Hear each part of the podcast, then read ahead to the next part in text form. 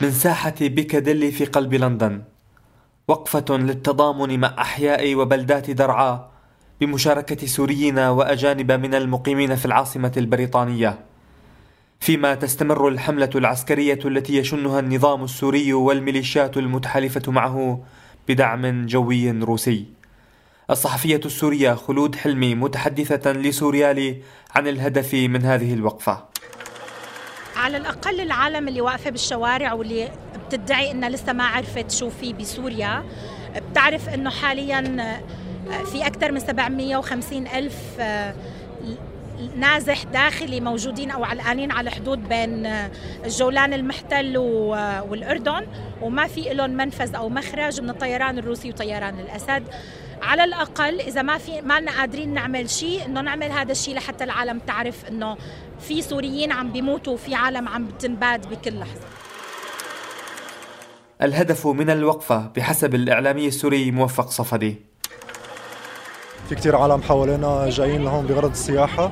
فممكن تكون فرصة إنه الناس من كتير محلات بالعالم انه يشوفوا إنه في شيء عم يصير بس أكثر من هيك ما راح نكون قدرانين نعمل شيء وبتخيل نحن وصلنا لمرحلة يمكن لازم نعيد النظر بكثير ما بعرف شو بدي أسميه يعني بس لازم نعيد النظر لأنه نعيد ترتيب أوراقنا نعيد لازم ناخذ لازم نبطل هالقد هيك باسف أو مفعول به لازم نصير فاعل بشكل أو بآخر.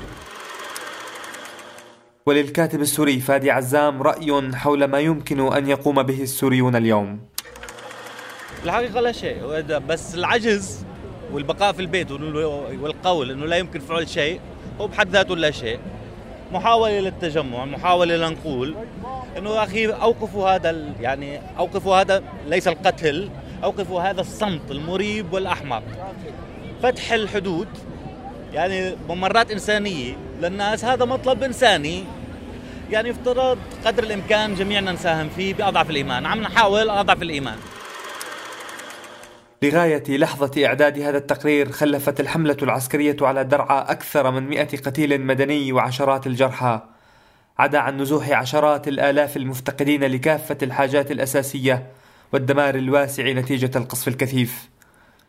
إلا أن رد فعل السوريين المؤيدين للثورة السورية خارج البلاد لم يصل إلى تنظيم فعاليات واحتجاجات تشبه ما حصل في حملات عسكرية سابقة على مناطق أخرى.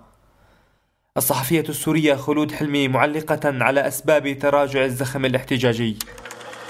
أه بتخيل اليأس اللي تغلغل لقلوبنا إنه نحن ما عدنا لقينا في فائدة من أي طلعة أو وقفة أو إنه النادي للعالم إنه نحن عم بنموت يا عالم تطلعوا فينا. بس كمان عقدة ال... إنك أنت ناجي من كل هالمذبحة بتخليك ما تقدر توقف بنرد بنرجع بنوقف على رجلينا وبنطلع مرة تانية من نادي كرمال أهلنا اللي علقانين جوا وعم بيموتوا كل لحظة. الكاتب فادي عزام مقدما وجهة نظره فيما يخص غياب التضامن الواسع مع ما يحدث في درعا.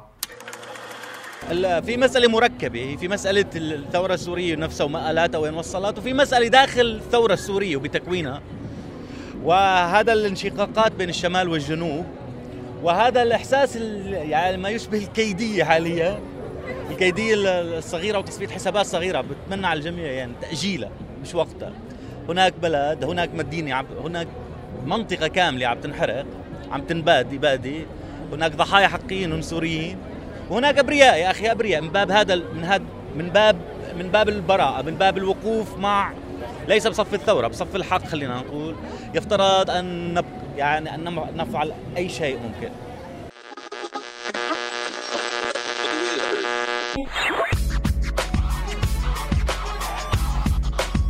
عم تسمعوا راديو سوريالي.